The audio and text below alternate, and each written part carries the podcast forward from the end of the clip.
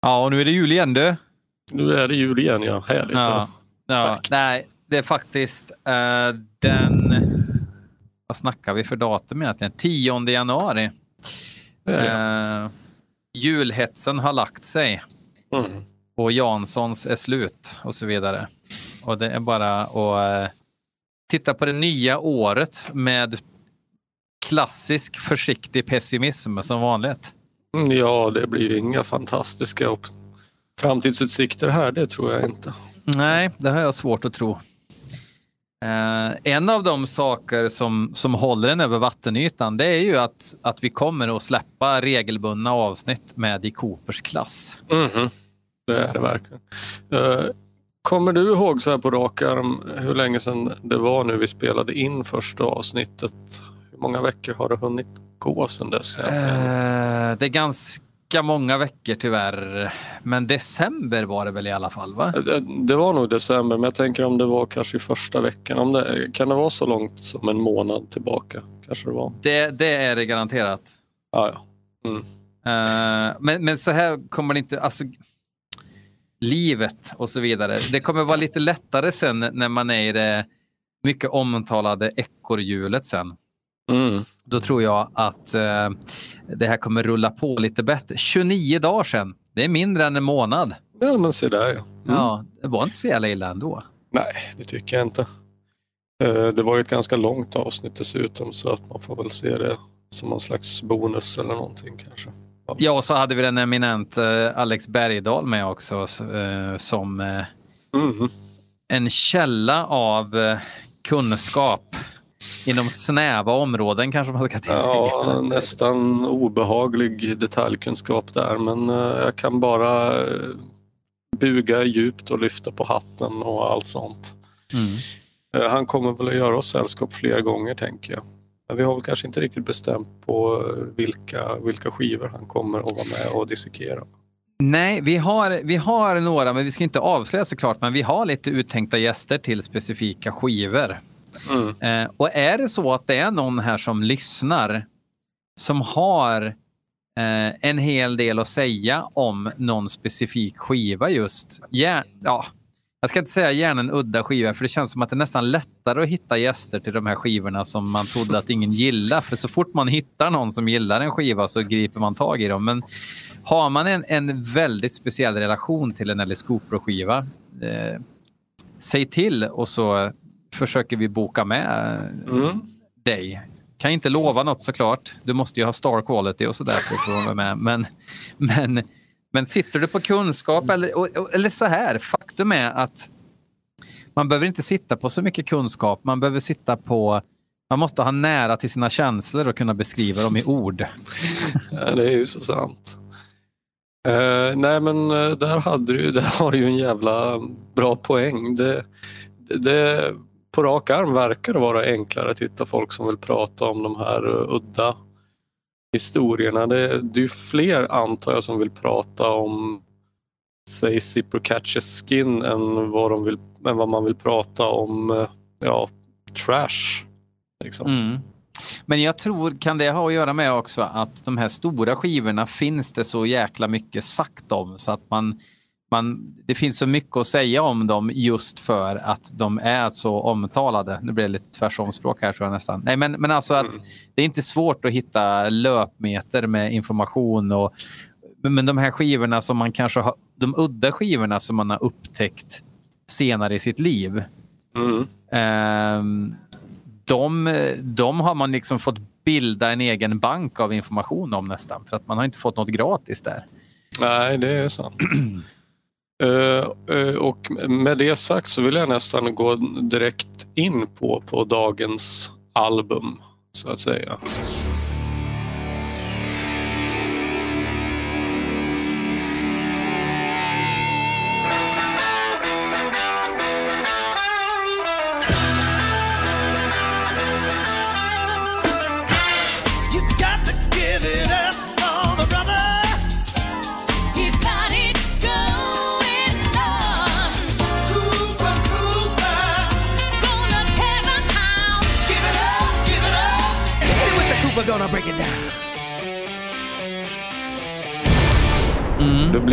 Svåra andra skivan. Exakt, ja. För det blir en, eh, en liten snabb övergång till den.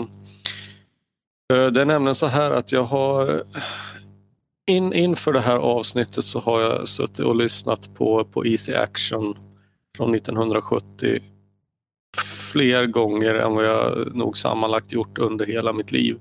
Mm. uh, och det är ändå trots att jag har haft den här skivan i min ägo i, eh, ja det är ju i varje fall 20 år.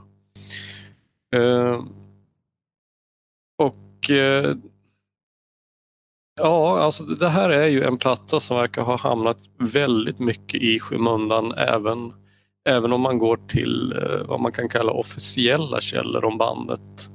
Mm. Eh, och då menar jag bandmedlemmarnas självbiografier och den här Dave Thompsons bok till exempel. Och det är som att eh, det, det finns mycket, eller mycket och mycket, men det finns betydligt mer skrivet om Pretty's for you och om den tredje skivan Love it to death. Mm. Men den här som ju egentligen är alltså en i sammanhanget kanske betydligt mer intressant skiva just därför att det är den här övergångsskivan från det psykedeliska till den Alice Cooper som vi så att säga, lär känna eh, från och med Love it to death. Men, men ändå så finns det väldigt lite sagt om, om just det här albumet. Mm. Eh, och jag läste ju på de här böckerna som jag nämnde nu eh, inför, också inför det här avsnittet specifikt. För att jag ville se vad de själva egentligen har att säga eller vad de tycker om Easy Action. Intressant. Mm, jag tänkte att det kunde vara kanske ett bra eh, sätt att köra igång diskussionen om den. Och sen så kan vi, vi utveckla lite mer vad vi tycker eh, som eh, ja. Innocent, innocent bystanders sen. Eh, ja, ja, herregud. Men, men du, du har alltså grävt lite här i arkiven nu då? Ja, jag har försökt. så Inte på Alex Room Service nivå, det kan jag inte påstå för det har ingen förutom han. Men jag det är farligt att ha med honom i ett första avsnitt för nu, nu, nu kommer det vara Beavis and Butthead här nu i 27 avsnitt. Efter ja, att GV inte är med. Ja, nej, det, det är helt sant. Uh, ja, men jag börjar med att dra uh, ett lite samlat intryck ifrån Michael Bruces uh, självbiografi. Och där menar Kanske bara han... ska nämna uh, ifall, ifall det sitter riktiga nybörjare. Michael Bruce var ju alltså rytmgitarrist mm. i bandet Alice Cooper. Vi måste ju vara lite så här P3 ändå och bara berätta lite rehasha. Vi pratar mm. alltså om bandet Alice Cooper som ju man kan säga sträcker sig fram till Muscle of Love-skivan. va? Så är det. Som kom 78. Ja, 74. 74 redan ja, så var det. Mm. det och, och, det är ju, i sig är ju jävligt intressant att det är ju inte många år vi pratar om här som Nej. bandet Alice Cooper var. Ja. Nej, alltså det är väl sammanlagt sju fullängdare som de hinner klämma ur sig på fem år. Mm. Och eh, med hög kvalitet mm. på de skivorna ska sägas. Uh, och det är också någonting som man märker när man läser de här böckerna att det, ja, det blir ju intressant på det viset därför att här är det ju bara bandet Alice Cooper som tas upp. Mm. Jag menar medlemmarna, de som var medlemmar i bandet Alice Cooper har ju väldigt lite att säga om sångarens solokarriär efteråt. Mm. Eh, det lämnar de därhän. Och mig vetligen har de väl inte sagt så jättemycket om hans soloeskapader eh, efteråt heller. Vad jag vet i alla fall. Men men. Mm. Men, men ja, vad, vad tycker nu Micke Micke, ska vi kalla honom Micke, det? precis. Som vi kärvänligt här på redaktionen kallar honom. Uh, han menar eh, uh, kortfattat We were rushed. Han säger att det här, de blev väl mer eller mindre tvingade av Frank Zappa att gå in i studion väldigt snabbt efter att British for you hade satts på tejp. Uh, igen. Och uh, Michael Bruce menar att han tycker att Easy Action egentligen det är väl en bättre skiva än Pretty for you men han menar att de var ändå inte riktigt framme vid målet. Nej. Och att det också var att de kände att de behövde komma ur lite grann ifrån Frank Zappas skugga. Att uh, han menar att alldeles för många verkade tycka att Alice Cooper var en del av Frank Zappas, eh, vad ska man säga? Scen nästan. Scen, ja mm. precis. Och det här ledde också till att de fick ganska lite tid på sig i studion och att detta verkade ha irriterat producenten. Uh, David Briggs hette han väl, uh, mm. som inte var speciellt imponerad av vad han hörde. Och att skivan blev egentligen mycket mer spretig än vad den kanske hade behövt vara. Hade, hade de fått mer tid på sig så hade de kunnat haft bättre diskussioner om i vilken riktning de skulle ta bandet. För att här, när han säger det att det var väldigt mycket diskussioner inom bandet på hur de nu egentligen skulle utvecklas. Mm. Och eh, resultatet hörs ju på skivan. Tycker jag i varje fall. För den, den alltså, jag, jag, tycker att, att um, Michaels beskrivning av Easy Action den låter exakt som den här beskrivningen tycker jag. Som du har sagt nu. Att, att den är lite, lite trevande, lite rörig. Inte, inte på samma sätt som Pretty's for you. Det är ju... Här kommer ju liksom raka poplåtar fram också ur den här skivan. Mm. Men med, med ändå en hinna av Pretty's for you någonstans eh, här och var, tycker jag. Håller jag med eh. om. Michael Bruce sjöng för övrigt, sjöng för övrigt lead på två låtar också. Mm. Uh, Beautiful Fly Away och Below Your Means. Och det, det får jag säga att det, jag, jag reagerade inte på att det inte var Alice eller ja, Vincent Furnier då, som, som sjöng på dem. Och, och, det är ju inte så konstigt med tanke på att Alice eh, varierar ju sig ganska mycket och testar olika saker. Eh, även här tycker jag. Alltså, hans, han, han har ju eh, lite olika sorters, kanske inte tonalitet, men han har lite olika röster. Han gör ju entré för den här lite distade rösten här också. Ja, det eh, hörs första ju. gången. Ja, det, det hörs ju direkt på första låten när Mr. and Miss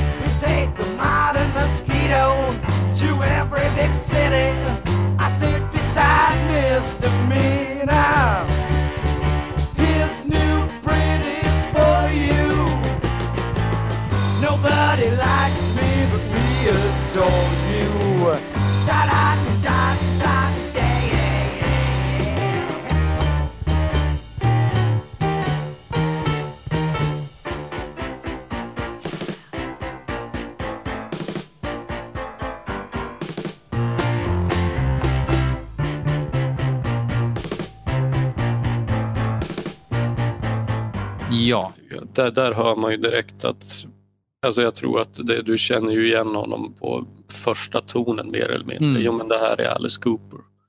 Och han använder inte det alls tror jag på Pretties. Nej, jag tror inte det heller. Jag... Och, och det är ju ändå hans trademark-sång. Liksom.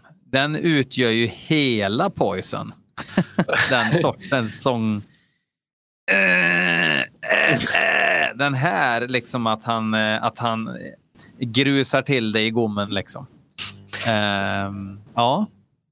Nej, men det, det stämmer ju. Och det, uh, om man ska gå händelserna bara lite grann i förväg så påstås det väl i varje fall att det var det eh, liksom deras, Alice Coopers huvudproducent Bob Esrin eh, att ett av hans främsta mål i, eh, från och med att han kom med i bilden med Love It To Death-skivan det var att Alice, hans röst skulle kunna kännas igen omedelbart.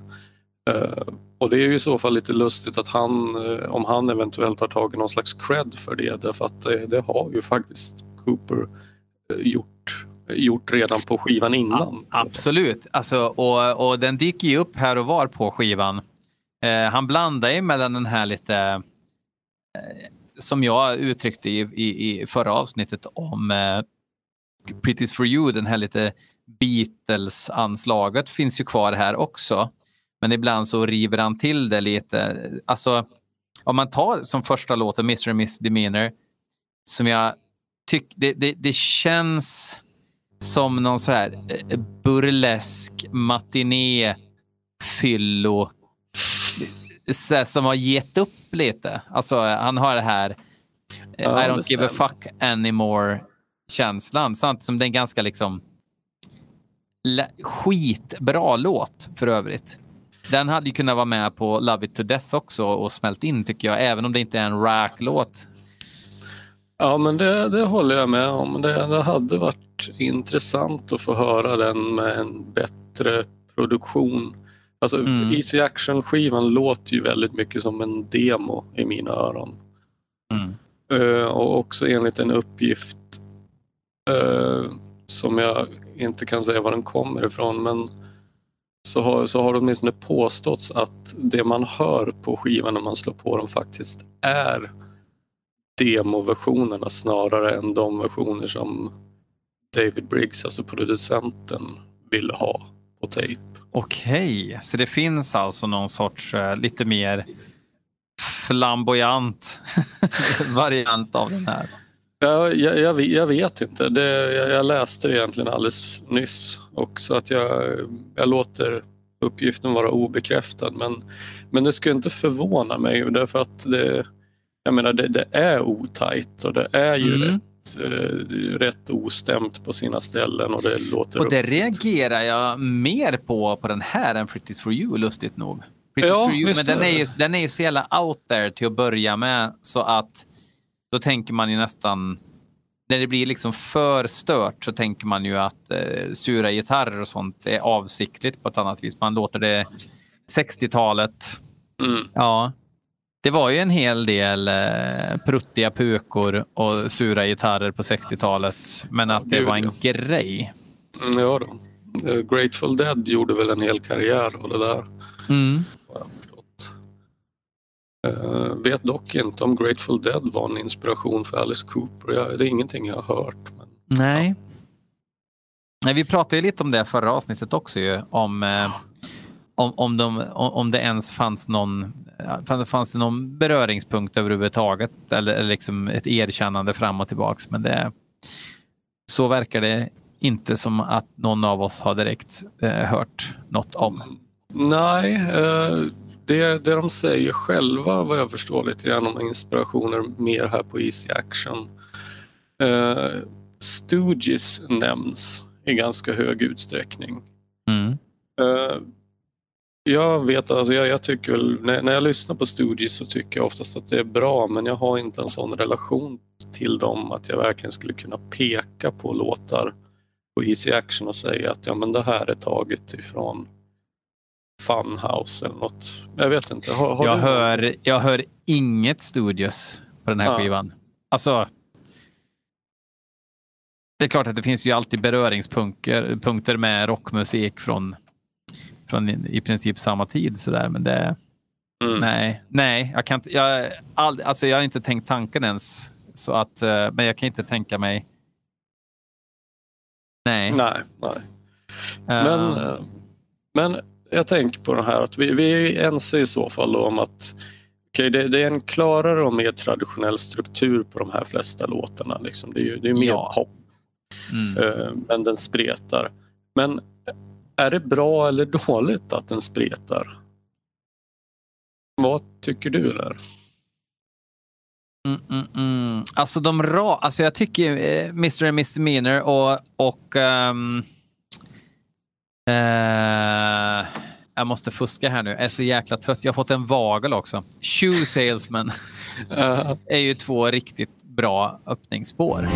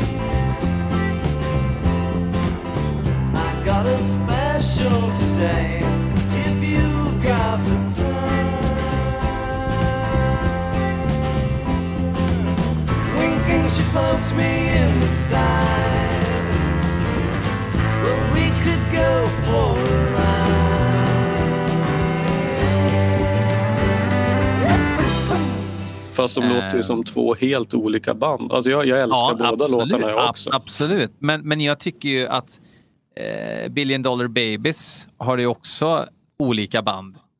Det är ju sant. Det stämmer ju. Det har ju varit Alice Coopers styrka genom hela karriären tycker jag. Att helt plötsligt så hör man ehm, en, en smäktande ballad och sen så hör du en rocker och, och eh, en, en ren poplåt liksom också. Jag tycker han har Mm. haft det genom hela karriären. Ehm, men å andra sidan så har det ju ändå varit samma anslag som har förenat de olika stuken. Och här håller jag ju med om att det, det är ju lite trevande, men, men å andra sidan mm, att lyssna på Easy Action och ha en hel diskografi i ryggen är ju inte samma sak som om man blev introducerad till bandet för första gången med Easy Action. Nej, Då hade man nog inte riktigt veta vad, vad man skulle göra av det kanske. Nej, eh, och här... Jag tänkte faktiskt jättemycket på, på just det. det. Det var lustigt att du sa att du var tvungen att fuska lite grann.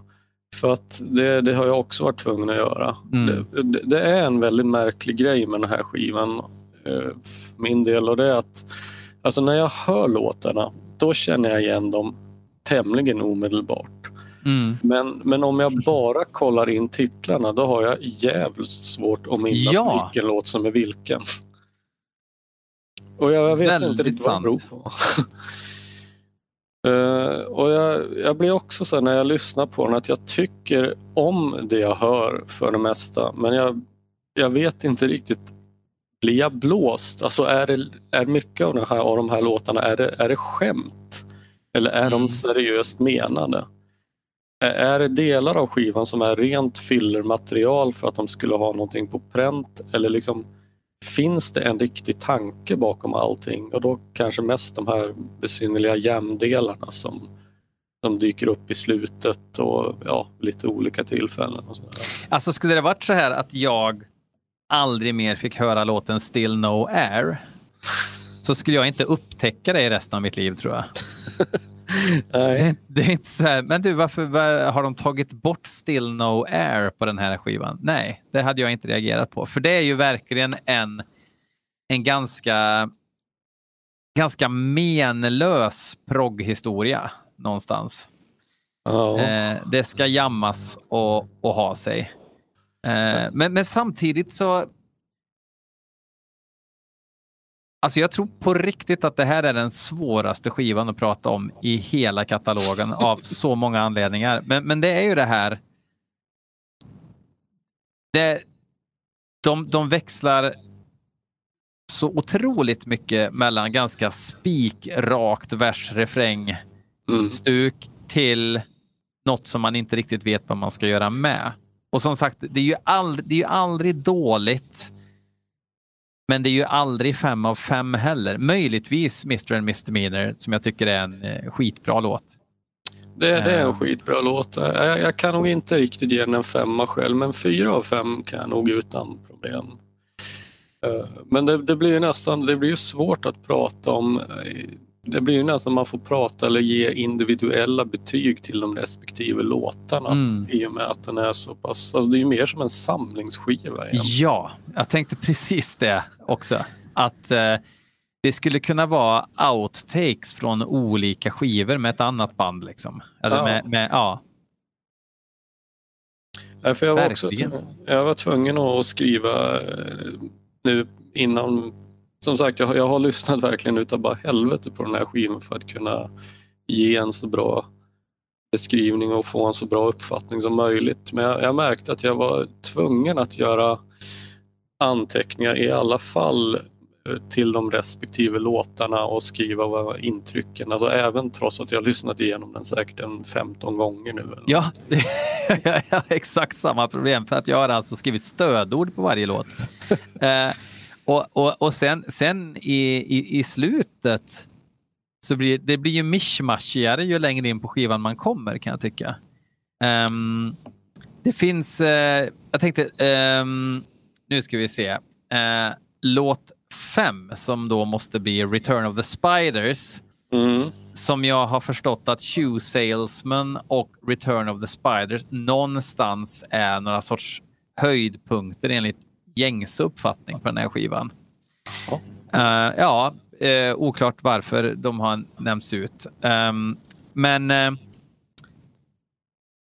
det är väl kanske det, det är ju en väldigt sångstyrd historia det känns som att man ibland skulle man nästan kunna ta bort musiken och bara lyssna på sången. Den är extremt högt mixad, den är väldigt i centrum och det känns som... Det är väldigt sällan man hör en låt där man typ knappt tänker på att musiken är med. Det enda man tänker på är att det är massa bossanova eh, liksom. Och, eh, men det är en ändå ganska kul låt. Ja, jag gillar också Return of the Spiders, men, men det är samma här. Om jag bara ser titeln så hör jag inte låten i huvudet. Nej. uh, och, och, och, sen om, man skulle, om, om du skulle lura mig nu och lägga om alla gitarrer med samma gitarrljud och spela lite annorlunda så hade inte jag tänkt på att den förändringen hade gjorts mellan lyssningarna tror jag. Nej, det är nog helt sant även för min del. Men jag tycker med, med den låten så vad jag skrivit om den att jag tycker att här, här hör man en liten del av vad som komma skulle. För att mm det är ju ganska ettrig rock. Av, ja, jag tänker på We still got a long way to go. Uh, som är med på Love it to death tror jag mm. väl är, om det inte är Killer. Nej men det är väl Love it Det är deras traveling band med Creedence lite grann. det är väl det. Men mm. att det, det, är ju liksom, det är väldigt högt tempo, det som du säger, det, det låter intensivt och det är sångdrivet.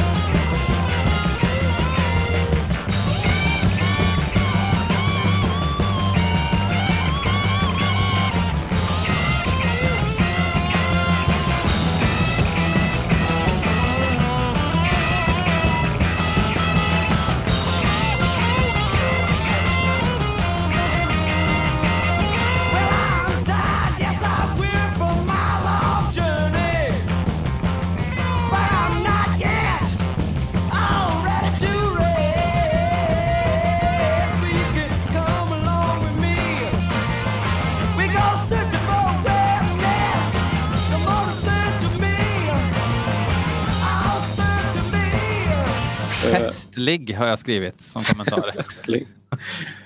Uh, men, men den är också väldigt primitiv. Den har ingen refräng. Uh, jag, själv kommer jag att tänka lite grann på, har du lyssnat på det här gamla bandet Suicide? Någonting? Nej. Uh, Allan Vegas gamla jättedepressiva Punk kan man väl säga från 70-talet. Det rekommenderas. Väldigt depressivt, svartsynt och cyniskt och kul. Uh, ja, men uh, Ja, jag, jag, vet inte, för det, det, det, är även här, alltså Return of the Spiders, det är en... Men du, var det han som var med i någon så här, det finns så här klassiskt klipp när han är med i någon morgonshow? Och, eh, som inte är så många år sedan, kanske 15 år sedan, inte så många år sedan, ja, men 10-15 år sedan eh, och blir intervjuad av två superglättiga, du vet, morning show eh, personer eh, och har då släppt någon soloskiva eller någonting. Och så limmar inte hans eh, eh, depressiva outlook så bra i den där morgonstudion. Det är en väldigt rolig clash. Ja, det, det, måste jag kolla. Det är ingenting jag känner till och jag måste erkänna att jag har egentligen väldigt dålig koll på. Alltså, jag, jag, jag upptäckte och började gilla Suicide skarpt för ungefär 20 år sedan men sen så glömde jag väl mer eller mindre bort dem. Men när jag lyssnade på den här Return of the Spiders igen då, då var det någon gammal liksom, klocka som ringde eller det blev någon koppling. Så att, jag vet inte, gillar man den här låten så kanske man gillar dem också. Man inte hört. Men den här är inte så deppig. Väl? Nej, nej det, det, är den inte, men det är just den här ettrigheten. Suicide hade en ettrighet och de hade en, kanske deras mest kända låt heter Frankie Teardrop. Och då är liksom en maniskt berättande över ett pulserande musik och att det är en historia som förtäljs. Eh, ja, skitsamma, vi ska inte, det finns ingen anledning att snöa in ännu mer på det, men ja, jag, jag tänkte på dem. Fast en ganska bra, en, en ganska bra lina till nästa låt då, Laughing at me. Ja, alltså ja, vi, vi, säger titeln och jag har redan ja, ja, ja, jo, jo men det, det, är ju en, en, en ganska sorglig historia ju. Alltså, ja. det är en sorglig slinga som vi kommer höra mer av i framtiden, har skrivit här. Jag kan ju givetvis inte nynna på den, men man, man börjar höra lite såna här Ballad of Dwight Fry-tendenser när det blir eh, ja, lite Dead Babies också för den delen. Mm. Mm. När det börjar bli lite Moloket. Och, det är ett bra eh, ord. Ja.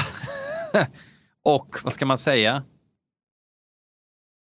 Utan, alltså han har, det är ju det som är så jäkla coolt tycker jag med, med Alice Coopers. Jag, vet, jag vill nästan inte ens kalla dem ballader även om det är det på 70-talet. Att det blir aldrig glättigt. Nej, alltså det är väl en fortsättning på, det, var väl, alltså det är väl Nobody Likes Me som är väl den första i sin, av sitt slag. Och sen så kommer väl den här och sen som du säger Dwight Fry och Dead Babies. Yes,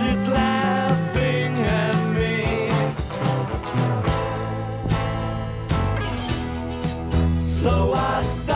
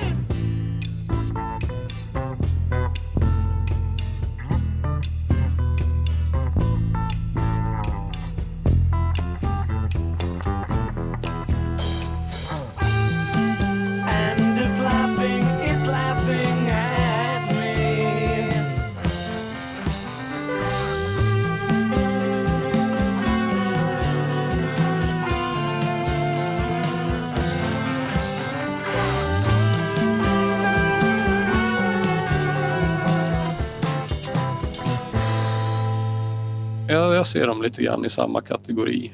Mm.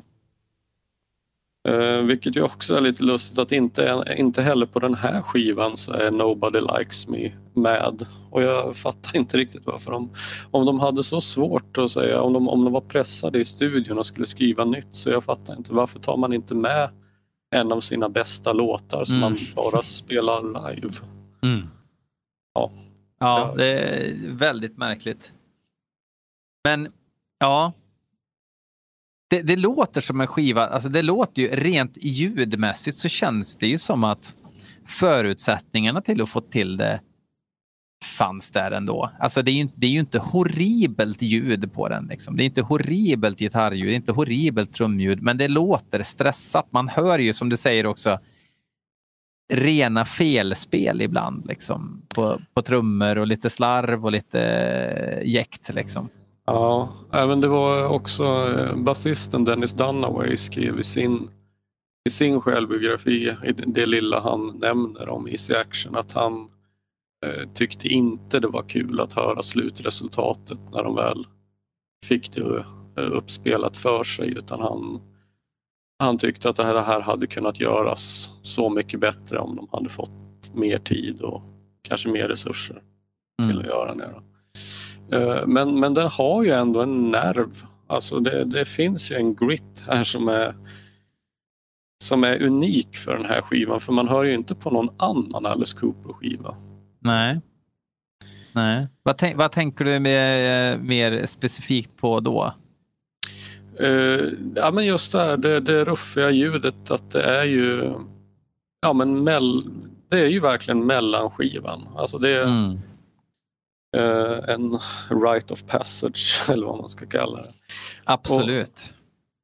Och, och eh, jag blir också väldigt nyfiken på så här what if-scenarion men brukar ju kritiseras inom den akademiska världen för att det är ju inte direkt vetenskap då, men, men jag kan i alla fall inte låta bli att undra över hur det hade låtit om Alice Cooper hade fortsatt utvecklas på egen hand och om inte Bob Esrin hade kommit in och tagit kommandot.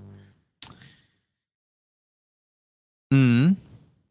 Eh, men ja, jag tänker ju att det, jag, jag, tror ju inte att det är en slump att Love It To Death utan att gå händelserna i förväg är en eh, helgjuten skiva mm. och Easy Action eh, knappt är gjuten.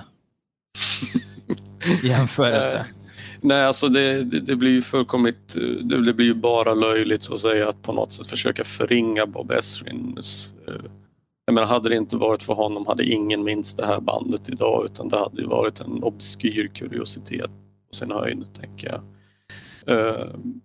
Men ja, i och med att det är så jävla många inriktningar på den här skivan som spretar åt olika håll så man undrar ju lite, eller jag undrar ju åtminstone lite grann om hade de fortsatt att spreta så här eller tror du att de hade kunnat komma in på en av de här alla olika vägarna som de hade kunnat ta?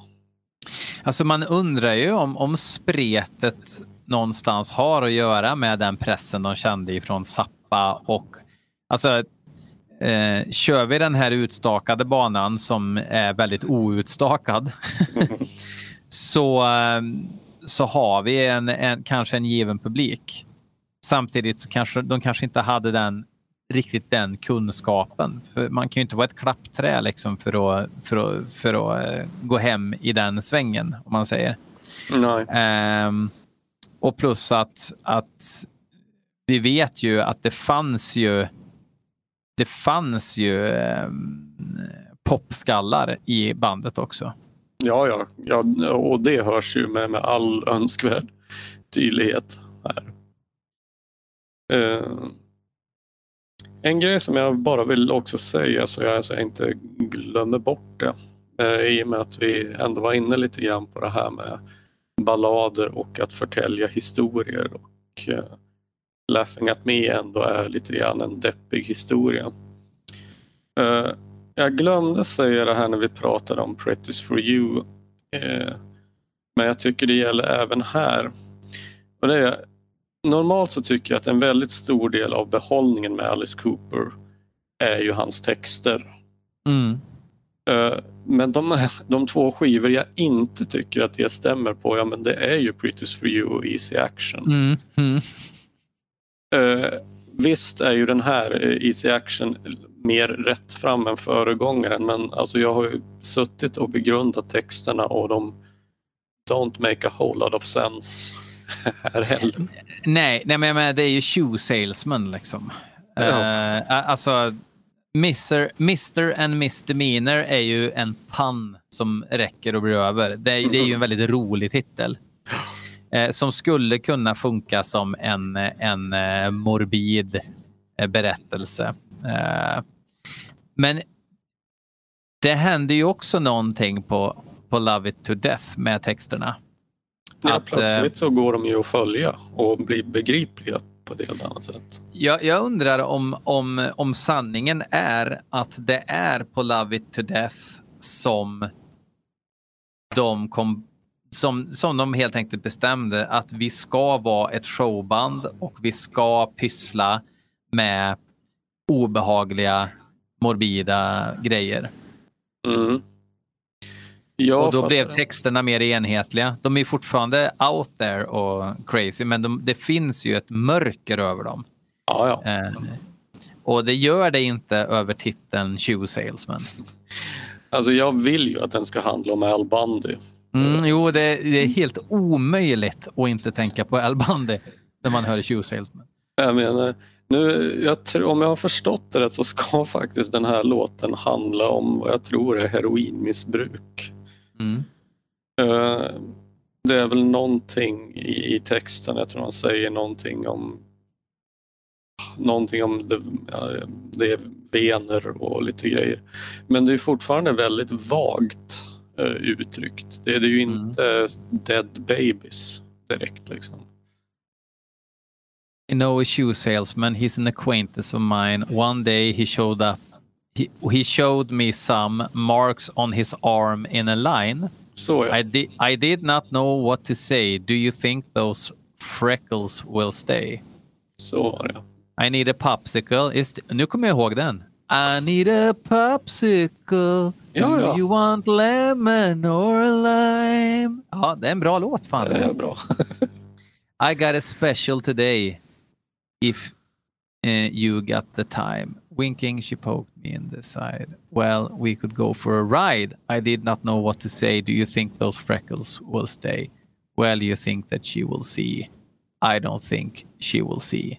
Yeah, ja, lite rörigt slut kanske. Men ja, men jag menar att komma då kanske till Bob Ezrin och säga det här har vi tänkt. Vi ska ha en låt om att eh, typ sjunga om en heroinist. Mhm. vi ska ha en låt och han bara kanske sa nej, ni ska sjunga om sick twisted things. Liksom. Det finns andra band som sjunger om eh, knarkcigaretter redan, så att det behöver inte ni göra. Mm.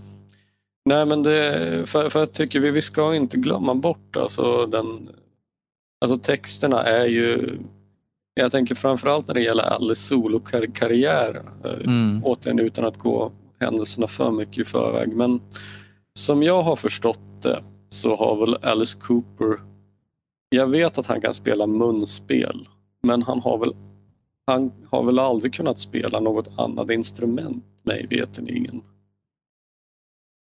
Nej. Det, det känns alltså som att gubbarna i den där åldern åtminstone kunde spela lite ackord även om man aldrig har gjort det på skiva. Men han, han kan ju... Det är ju rena spekulationer, men en habil ackordspelare och sätta ihop några melodier skulle han säkert kunna greja. Jag tror att uh, skriva melodier kan han absolut. Det, det tvivlar jag inte på. Men, men det är ingenting som tyder på i de här böckerna jag läst att han skulle ha varit att han är någon instrumentalist på det viset. Jag har sett någon bild där han suttit vid en keyboard tillsammans med någon annan. Mm. Men eh, då vet jag inte om det är rena melodier han har knåpat fram. Eh, Det är många som har suttit på bild bredvid Robert Wells också utan att nödvändigtvis kunna spela. Så. ja, jo det är ju helt sant. Nej, men Men han har, ju alltid, han har ju alltid varit väldigt...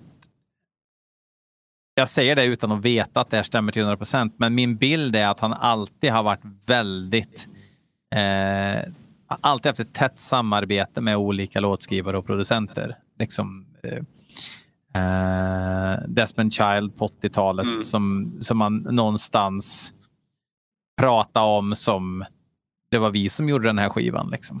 Ja, men det, och det tvivlar jag inte alls på. Det, det enda möjliga undantaget skulle ju vara de riktigt skumma historierna i början på 80-talet.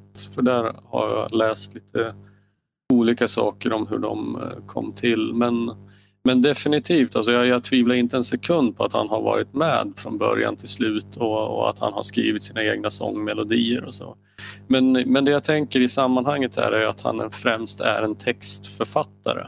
Mm. Och som soloartist. Och jag menar det, det är så mycket som har baserats på Ja, och en kon konceptkille överhuvudtaget. Liksom, att, eh, här tänker jag att jag vill testa nu. Nu tänker jag det här och det här, men det ska ändå funka inom eh, Alice Cooper-paraplyt. Liksom. Ja, och då tycker jag att det blir lite intressant sett till, till, till de här två första skivorna. Att det verkar ju inte direkt finnas här. Att här Nej. är det ju inga historier egentligen som berättas utan det är väl Ja, de har, Dennis Dunn har ju skrivit att de var väldigt influerade av dadaism och sådär. Och det, vad vet jag, kanske det var medvetet då att, de, att texterna skulle vara mer obegripliga för mm. sakens skull. Jag, jag och, li, och, lite crazy. Crazy, ja. Mm, jo. Mm. Ja, det är, intressant. Det, det, det är sjukt. Det var ju mycket lättare liksom att sitta och, och tänka kring Pretty's for you. Men det är också för att det är ett förstlingsverk tror jag också. Ja, såklart. De hade nog kommit undan med den här skivan ännu mer om det var debuten någonstans. Ja, men det, det tror jag absolut. Eh, det är ju snarast det att, att det, det är sån stor skillnad på debut och den som kommer efter. Mm. Alltså Love it to death. Och det, och det är så liten tidsrymd vi, vi pratar om. Men alltså David Briggs här som då alltså enligt den här källan du hade inte gillade det. Alltså att han inte... Mm. Det är också lite konstigt tycker jag att han inte... För man, jag tycker ändå att man kan höra, fast då, då är man ju efterklok eftersom man vet hur det blev sen. Mm. Men nog kan man höra att det finns grejer i den här skivan även om den är spretig.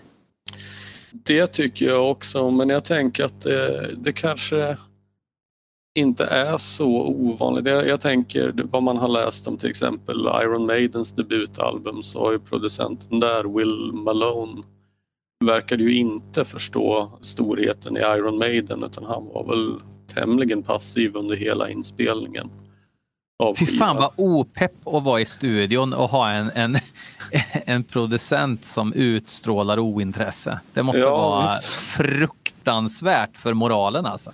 Ja, det är, ja gud ja. Och vad fan, alltså det är Maidens Iron Maiden vi pratar om. Alltså mm. det är ju hyfsat bra låtar. Mm, ja, det får man ju lov att säga. Men, men han, Malone, han hörde ju uppenbarligen inte direkt det. Då.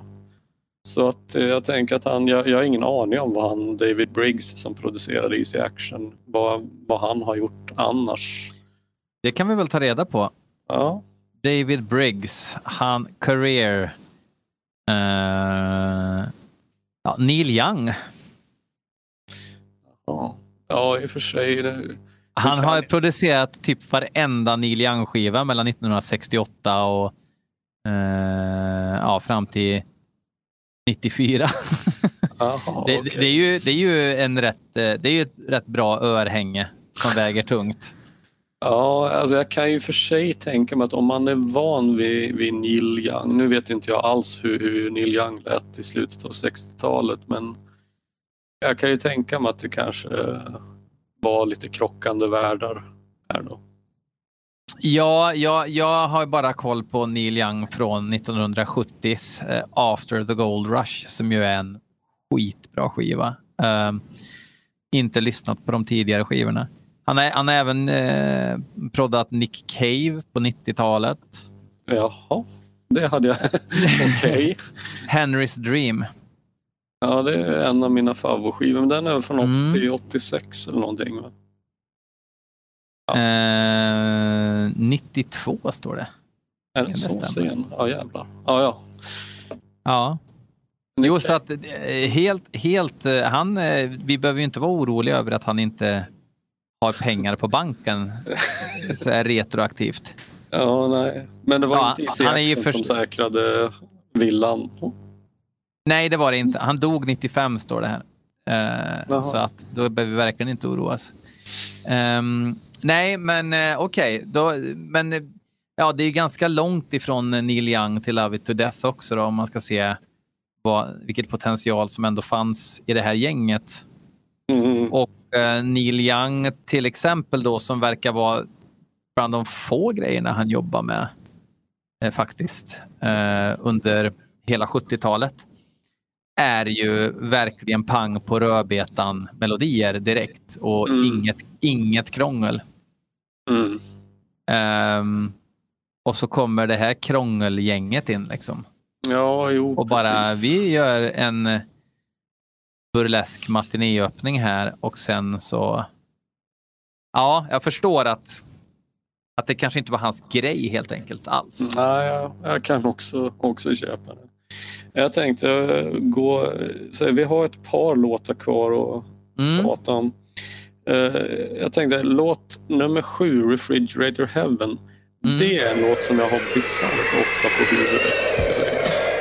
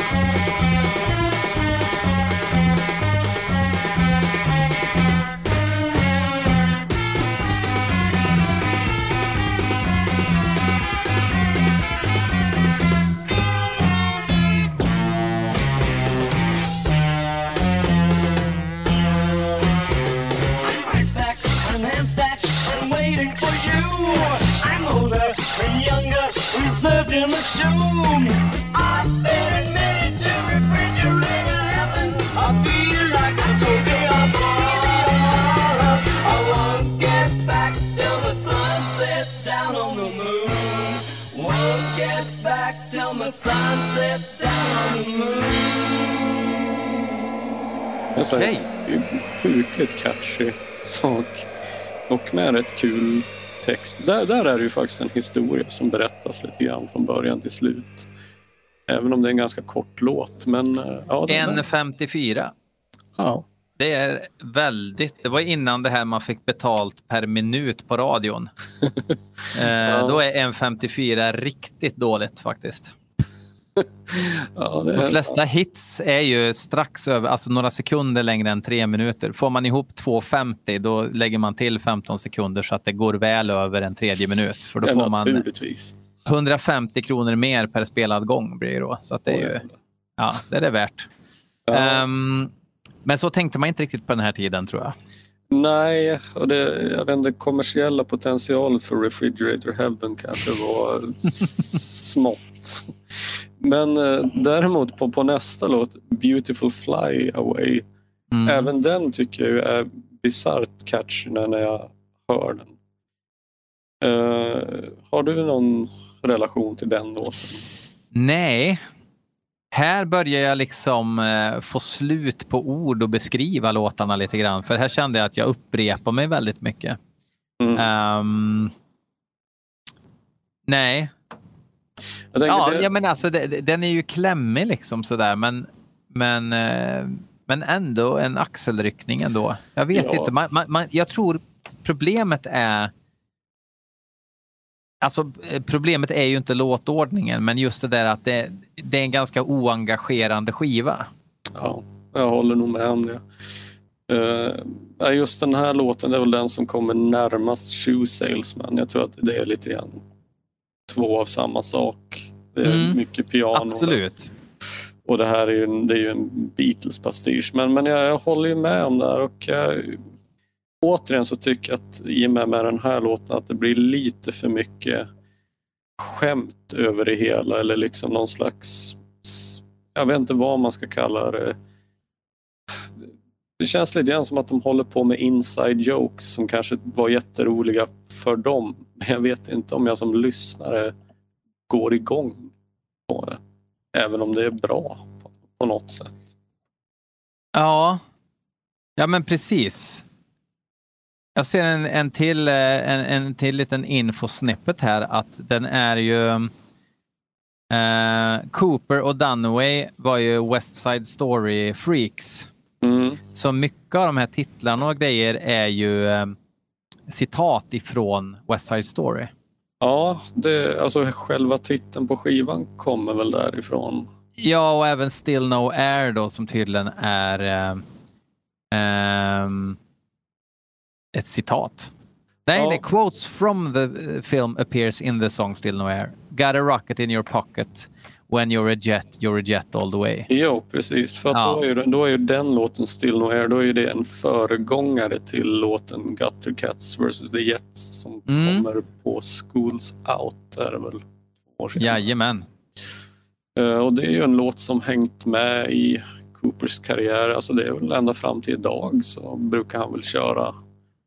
Det har ju varit lite grann så här teatergrej på scenen med skådisar och ja, koreograferade knivslagsmål och allt vad det är. Uh, Gutter Cats vs. The Jets-låten alltså. Mm. Men det då är det ju Mm. lite kul att kunna se ett, ett frö till den eller ett ursprung i och med Still No Air kan jag tycka. Den, eh, alltså själva reklamsloganen för skivan var ju Unisex, Raw, Together and Violent, just like you fellow American. Um, de anspelar ju en del på det här androgyna. Ja, jo. Det, ja, det är jag inte minst med, med namnet på gruppen. Nej, precis. Precis. Ehm, ja, det, det, det, det är lite utav en gåta. För det, det, känns, det känns som att så mycket med Alice Cooper utkristalliserade sig senare i karriären. Mm. Eh, och då var det väl kanske ren tur då att det funkar i långa loppet. Alltså att, man, att bandet heter Alice Cooper är ett väldigt passande, passande namn redan från början.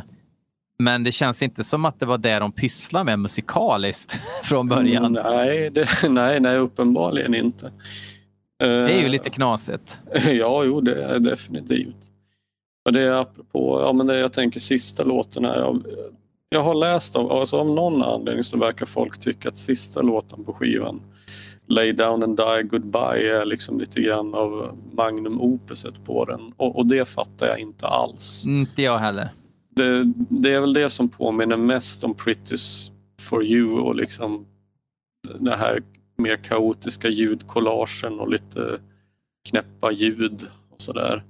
Och det ska tydligen vara influerat av Karl-Heinz Stockhausen och jag, ja, det, det tycker jag väl är att vara jävligt generös mot den här låten för jag tycker inte det låter vare sig kul eller bra överhuvudtaget. Nej.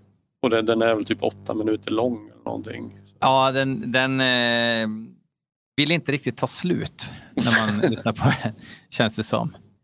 Um, nej, jag vidhåller nog att öppningsspåret är Ja, och fan, Shoe Salesman också är ju rätt klämmig. Alltså, jag hade inte blivit... Om, Om man skulle sätta ihop någon The Essential bensinmacksamling av Alice Cooper, om man skulle ha man skulle ha låtar från varje skiva, i alla fall någon låt från varje skiva. Om um, Shoe Salesman skulle vara med på den så skulle jag inte skrika rakt ut och tänka hur kunde de välja just den?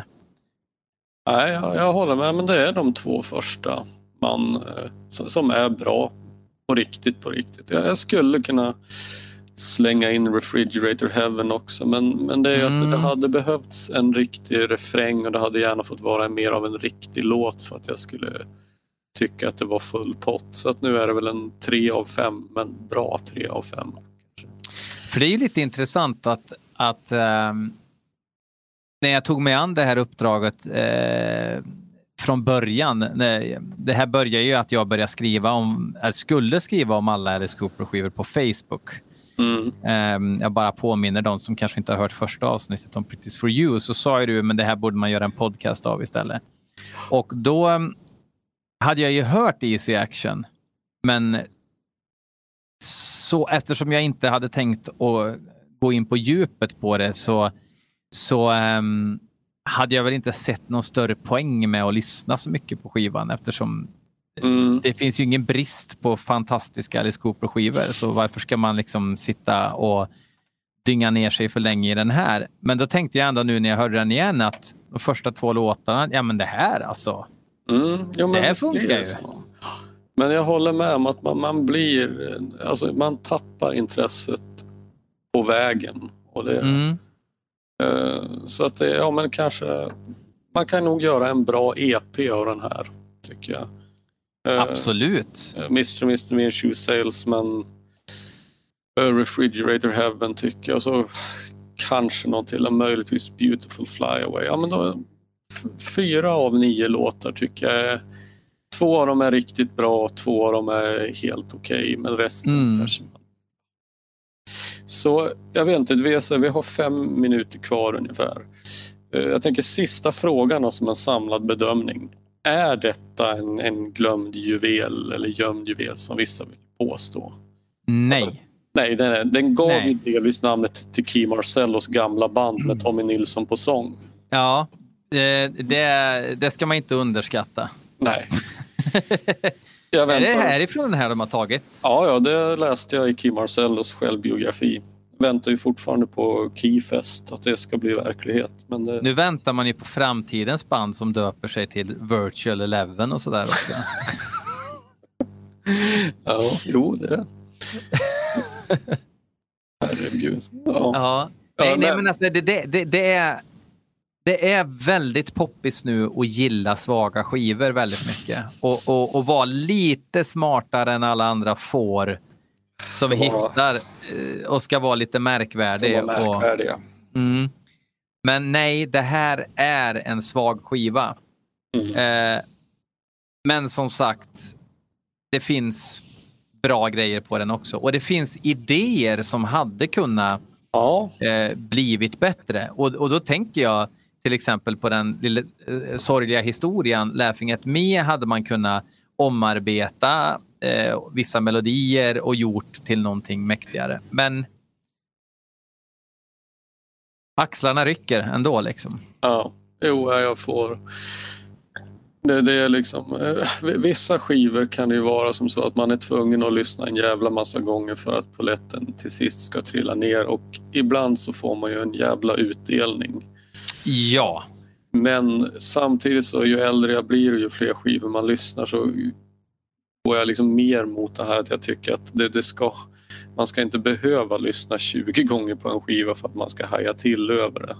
nej. Eh, Det, det, eller jag känner bara att det, det har jag inte riktigt tid med i alla fall. Det, finns, det finns så mycket att lyssna på. Så, att det, så eh, ja, nej, men alltså efter, efter så här många genomlyssningar på kort tid och, och djupdykningar. Det, är- det är som du säger, om, om jag hade gjort det du tänkte från början att bara gå igenom alla och skriva någon snabb kommentar om så hade jag nog sannolikt inte, då hade det dröjt väldigt länge tills jag lyssnade på den här igen. Mm. Ja, nu, nu kommer jag vila från den här skivan ett tag. Ja. Så känner jag. Eh, men däremot så det blir ju lite grann, när man gör det här i ett poddformat, då slår man på den stora trumman lite hårdare. Och då Mm. får man ju faktiskt göra sitt jobb. jo. Eh, men man har ju det ett alltså det- ansvar. Och då, jag menar, det är, ju, det är ju kul att få en anledning att säga att eh, jag menar, jag hade aldrig gjort den här djupdykningen om det inte var för det projekt som vi håller på med. Så att ibland kan det ju få sådana lyckliga effekter att man, ja, men man hittar glömda eller gömda, vad fan säger man? Säger man glömd eller gömd juvel? Gömd juvel, va? Det är väl hidden gem. Hidden gem. Forgotten gem. Ja, man kan nog säga både och. Alltså, ja, men det är lite grann som ehm, min gode vän eh, Staffan, även känd som PP7 Gaft Seb. Mm. ehm, som kommer eh, vara med i ett avsnitt faktiskt. Ja. Och prata om en specifik skiva. Han, han gjorde ju utmaningen att han skulle se alla avsnitt av Rederiet på en månad. Ja. Eh, och till slut så måste ju hjärnan försöka tycka att det är bra för att det ska bli uthärdligt. Eh, och han hittar en hel del intressanta samhälleliga poänger som eh, pressas igenom de där avsnitten. Eh, Ja. mm. Hjärnan kan spela en konstiga spel. till. Ja, Nej, men det, det, det här känns ju som... Det här, det här avsnittet känns ju lite low key. Just för Ja. att det är en svår uppgift. Men det finns ingenting som en low key Marcello, vill jag säga. Nej,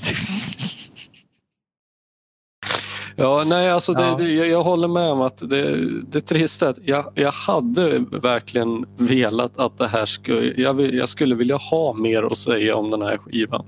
mm. Just därför att det är en... Det är, det är en udda sak i Coopers... Det är en udda elev i Coopers klass.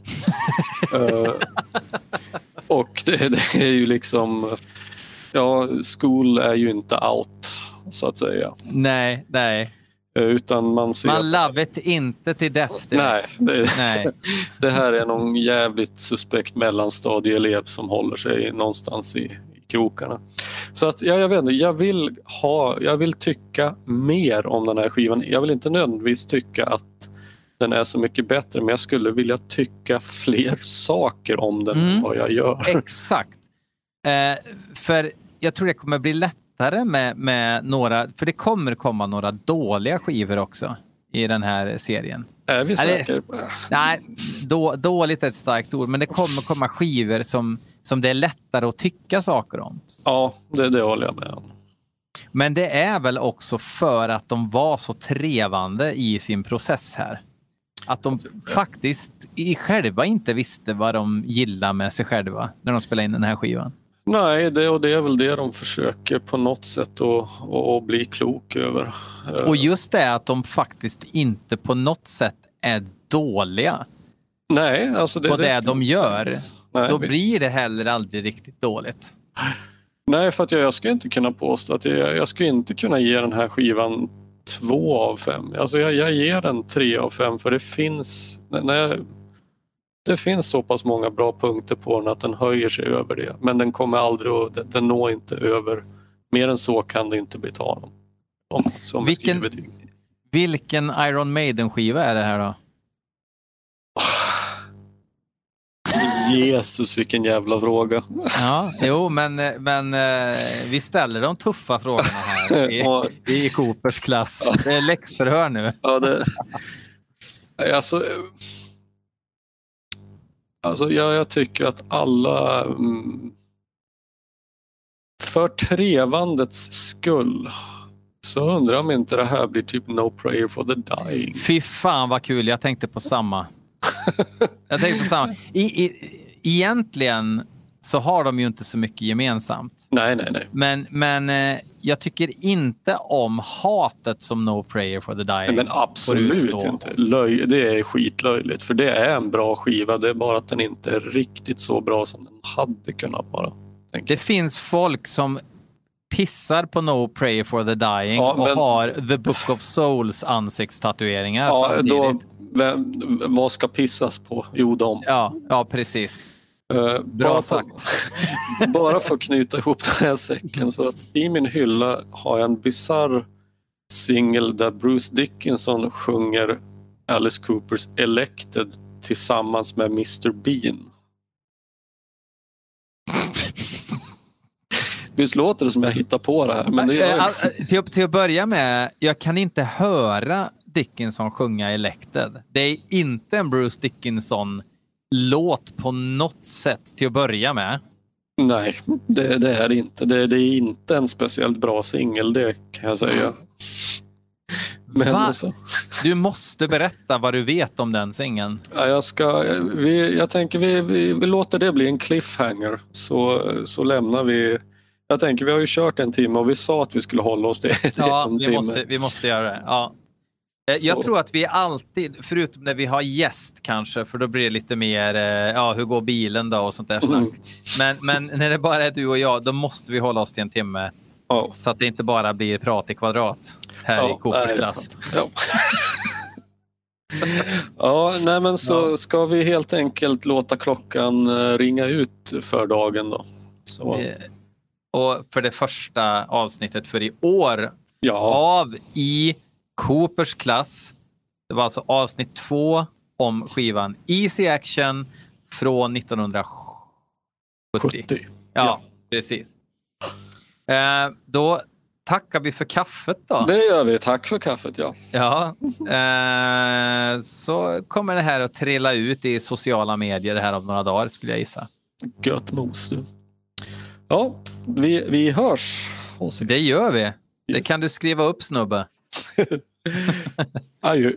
Adjö.